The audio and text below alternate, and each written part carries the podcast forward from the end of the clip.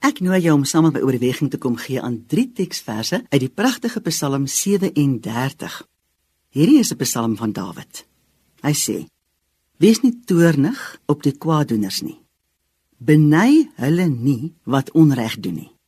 Ons wandel met ons Vader is soos om met 'n bergpaadjie op te stap. En as 'n mens almekaar gaan stil staan om te kyk waar trek die ander mense nou wat op miskien ander paadjies is, gaan ons self baie lank wat om bo te kom.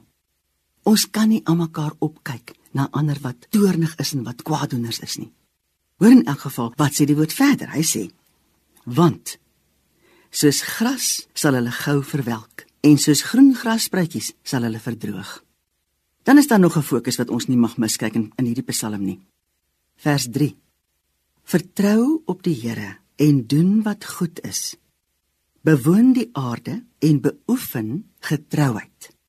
Kom ons dink 'n bietjie oor getrouheid en om God te vertrou.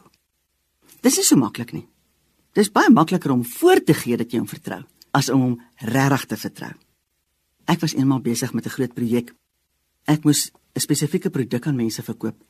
O, en ek het almekaar vertel hoe ek God vertrou om hierdie ding vir my te help deurhaal. Maar intussen het ek nooit opgehou planne maak nie. En toe eendag het ek skielik wakker geword en ek het geweet dat ons Vader met my gepraat het. Ek het 'n oomblik gedink en toe besef ek hy het vir my gesê in my slaap. Ek is skuldig aan Eksodus 20 vers 3. En dit sê jy mag geen afgode voor my aangesig hê nie. Ek het so geskrik. Wie ek het nie eens nodig gehad om die lig aan te sit nie want ek weet wat staan in daai vers. En ek was so geskok, ek het hom gevra, Vader, ek kan nie lieg nie. So u praat die waarheid. Sê vir my, watter afgode het ek voor u? En ons Vader het my gesê, jou planne is jou afgod.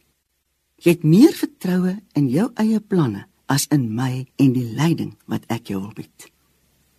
Ek was so skuldig. Ek kon net maar om vergifnis vra. Ons moet leer om ons eie planne neer te lê. Dan eers sal hierdie vers 4 van hierdie Psalm vir ons 'n werklikheid word. Hoor hoe lees hy? Verlustig jou in die Here, dan sal hy jou gee die begeertes van jou hart. Speel bekommernis in jou lewe ook te 'n groot rol? Is jy ook almekaar besig om planne te maak? Lê dit neer. Verlustig jou in die Here en hy sal jou gee die begeertes van jou hart. Vader, ons kan net vra in die naam van Jesus, leer ons wat dit behels om ons regtig in U te verlustig. Amen.